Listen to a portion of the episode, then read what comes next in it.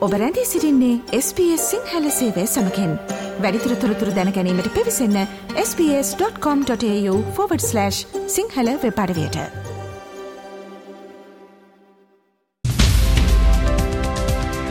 මවබිමින් පුවත්. ඔස්ට්‍රේලියාවේ අද උදැස්සනවද විට ශ්‍ර ලංකාවෙන් වාර්තාාවන ප්‍රධානතම පුවත් කිහිපය මෙන්න. අද පෙබරවාරි මාසේ දෙවනිදා ඊය දිනේ ශ්‍රී ලංකාවේ සිදුවීම් දෙස අවධානය යොමු කරන මෞබිමෙන් පුවත් විශේෂාංගය ආරම්භ කරන වෙලාව.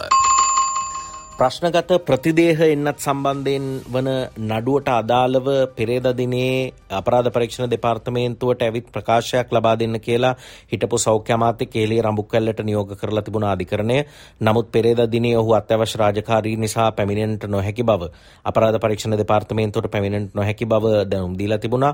කොමුණත් ඊයේ දිනේ කේලී රඹුක්කල්ල හිටපු සෞඛ්‍ය අමාත්‍යවරයාට එරෙහිව විදේශ ගමන් තහනමක් පනවන්න මාලිකා කන්ද මහේස්ත්‍රාත් අධිකරණය තීරණය කරලා තිබුණා. තිබුණා වගේම අද දවසේ අපරාධ පරීක්ෂණ දෙපාර්තමේන්තුවට ගිහිල්ලා මේ ප්‍රශ්නගත ප්‍රතිදේහ එන්නත් සම්බන්ධයෙන් වන ප්‍රශ්නයට අදාළව ප්‍රකාශයක් ලබා දෙන්න කියලා අධිකරණය සඳහන් කරලා තියෙනවා. ඒ අනුව අද දිනේ ඔහු ඒ සම්බන්ධයෙන් ප්‍රකාශයක් ලබා දීමට නියමිතයි.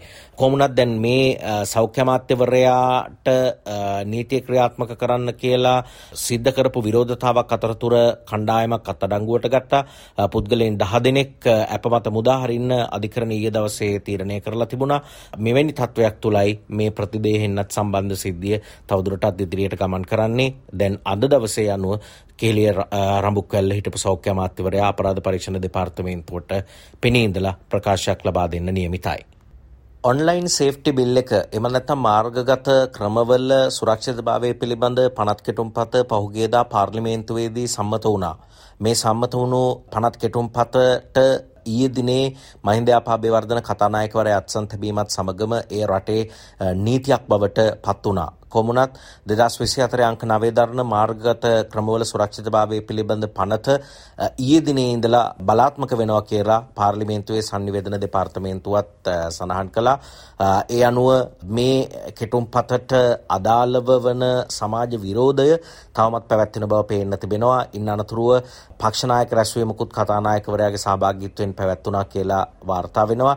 ඒ අවස්ථාවෙන් පසුව ඩල සලහපෙරුම නිදහස ජනතා සභාව නියෝජනය කරන එහි නායක පාර්ලිමේන්තු මන්ත්‍රී ඩල සලහපෙරුම මහතා මේ සම්බන්ධයෙන් මාධ්‍ය වෙත අදහස් පළ කිරීමකුත් සිද්ධ කළා. ඔන්ලයින් සේෆ්ටි බිල්ල කියන වෙලාවේ බුද්ධත්වය ආරෝපණය කරපු චරිත තුන හතරක් එකසරේ එළියට ආවා. ඔන්ලයින් සේෆ්ටි බිල් එකේ තියෙන අකාරුණික භාවයන් වෙනුවට සමාජ සාකච්ඡාව ගියා මේ පහළ වෙච්ච බුදුරුන් කියා ගන්නා වූ උන්මන්තකයන් පිළිබඳව. ඒ අතරේ මේ පනත් සියල්ලම සම්මත කරගත්තා. එතකොට මේ කොමිෂන් සභාව පත් කරන්නේ කවුද? ජනාධිපතිවරයා. මොන තීන්දුව දුන්නත් තීන්දුව ලැබිච්ච පාර්ශවයට අයිතියක් නැහැ කිසිම අධිකරණයකට කියලා මේක ප්‍රශ්න කරන්න.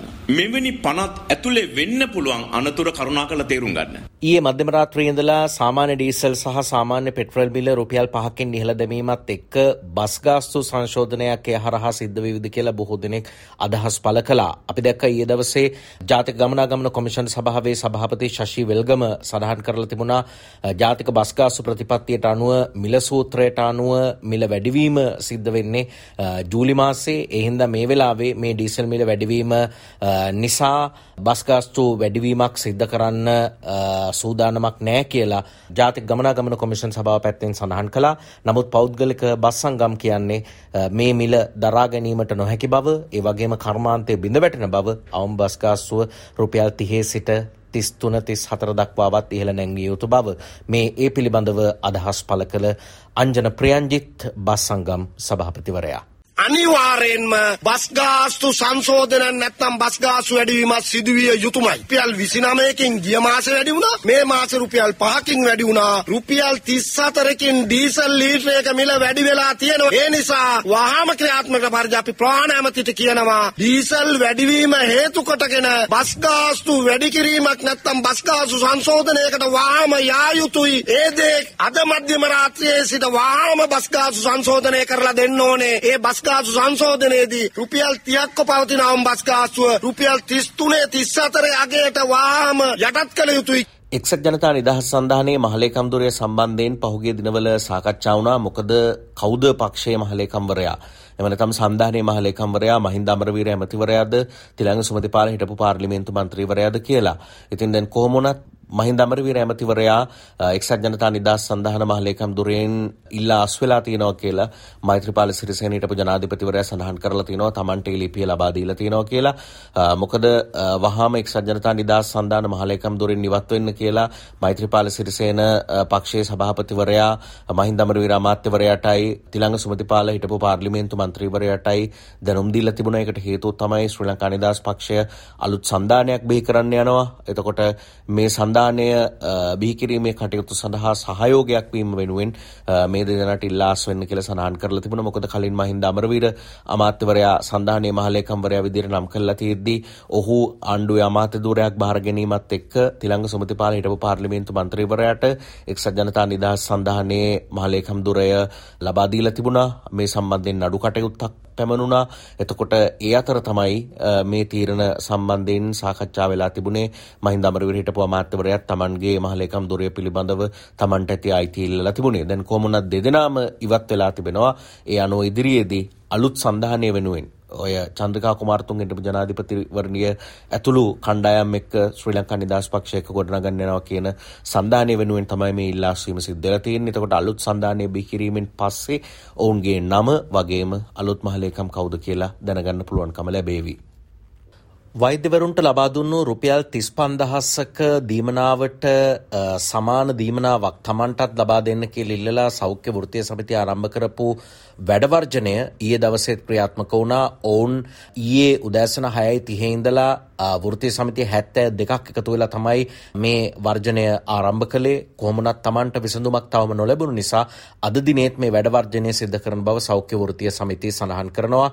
රෝගීන් අපහසුතාවයට පත් වෙලා විශේෂයෙන්ම හමුදා සෙබලුන් යුද හමුදා සෙබලුන් ඇතුළු හමුදා සෙබලුන් රෝහල්වල රාජකාරිවලට යොදවලා රෝහල් සේවා පවත්ව ගන්න ගියත් ඒ සඳහා නිපුණත්වය සහිත වෘතිකයින් එම නැත්තම් සෞඛ්‍ය ක්ෂේත්‍රයේ අනෙකුත් සේවකයින් මේ වෙලා වෘතිය ක්‍රියාමාර්ග නිරත වෙලා ඉන්නවා. කොමුණත් මේ පිළිබඳව අදහස් පළ කලා සෞඛ්‍ය වෘතිය සමිතියක මුතුවේ සම කැඳවුම් කරු විදියට කටයුතු කරන උපුල් රෝහණ. මේ වෘත්ති සම්ක්‍රියා මාර්ගය ඇත්තටම අද දිනේදී අපි අත්හිතවන්න බලාපොරොත්තු වෙ හිටියා රජයේ හෝ මුදල් අමාත්‍යාංශයේ නැත්නම් සෞඛ්‍ය අමාත්‍යාංශයේ මැදිහත් වීමක් තිබුණා නම් හෙට දින පෙරවරු 6:30ට අත්හිතවල සාමාන්‍ය පරිදි සේවයට වාර්තා කරන්න තමයි සැලසුම් කරලා තිබුණේ. නමුත් මේ වනතුරුත් කිසිදු සාධනීය මැදිහත් වීමක් නොමැති නිසා මේ මොහොතේ අපි රැස් වෙලා අද දින සන්ධ්‍යාවේදී අපි තීරණය කරා හෙට දිනේ මේ වෘත්ති සම්ක්‍රියා මාර්ගය ක්‍රියාත්මක කරන්න හෙට දවසේදී යම් සාධනීය මැදිහත් වීමක් නොවුණොත් ඉදිරියට වෘත්ති සම්ක්‍රියා මාර්ගය අරගෙන යන්න මේ මොහොතේ අපි තීරණය කරලා තියෙනවා. ඉන්දියානු විදේශ අමාත්‍යවරයා ශ්‍රී ලංකාව සම්බන්ධයෙන් කළ ප්‍රකාශයක් පිළිබඳව ඊයේ දිනේ බොහෝ විට ප්‍රවෘත්තිමය වටිනාකමක් එක් කරලා තිබුණා. ඒ තමයි මුම්බායිවලදී ඉන්දිය කළමනාකරණ ආයතනයේ දේශනයකට කියපු ඉන්දිය විදේශ කටයුතු අමාත්‍යවරයා ශිෂ්‍යයෙක් අහපු ප්‍රශ්නයකට උත්තර දීලා තිබුණා. ඉන්දියානුවන්ට නිවාඩුවක් ගත කරන්න අවශ්‍ය නම් ඒ සඳහා සුදුසුම ගමනාන්තය ශ්‍රී ලංකාව බව ජයශංක විදේශ අමාත්‍යවරයා සඳහන් කරලා තියෙනවා. ශ්‍රී ලංකාව කියන්නේ ඉන්දියාවේ සමීපතම අසල්වැසියා දෙරට අතරේ හැම වෙලාවෙම ශක්තිමත් මිත්‍රත්වයක් තියෙන්න ඕනේ. මේ කාරණා ඔහු අවධාරණය කරලා තියෙනවා. ඒත් එක්කම ආගන්තුක සත්කාර අතින් ඉහළම තැනක ශ්‍රී ලංකාව ඉන්නවා. නිවාඩුවක් ගත කරන්න යනවා නම් ශ්‍රී ලංකාව තරම් ඒකට ගැලපෙන තනක් වෙනත් නෑ කියලා තමයි ඉන්දිය විදේශ කටයුතු අමාත්‍යවරයා ප්‍රකාශ කරලා තියෙන්නේ. මේ ගැන ඊයේ දවසේත් ශ්‍රී ලංකාවේ ලොකු ප්‍රවෘත්තිමය වටිනාකමක් හිමි වෙලා තිබුණා. මේ කළමනාකරණ ආයතනයේ මුම්බායි වල ශිෂ්‍යෙක් අහපු ප්‍රශ්නයකට ඉන්දිය විදේශ අමාත්‍යවරයා ලබා දුන්නු පිළිතුරත් සමග. එමනම් මෙලබෙන සඳුදා දිනේ හමුවන බලාපොරොත්තුවෙන් සමුගන්නවා මම ශ්‍රී ලංකාවේ සිට මනෝජ් උදටියාවල.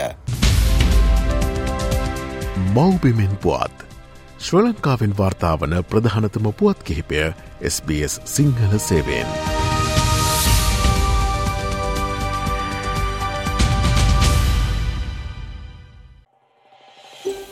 මේ වගේ තවත්තොරතුරු දැනගන්න කැමතිද. එහමනම් Apple podcast Google podcast Spotify ඔබගේ පොඩ්කාස්ට ලබාගන්න ඕනෑම මාතයකින් අපට සවන්දය හැකේ.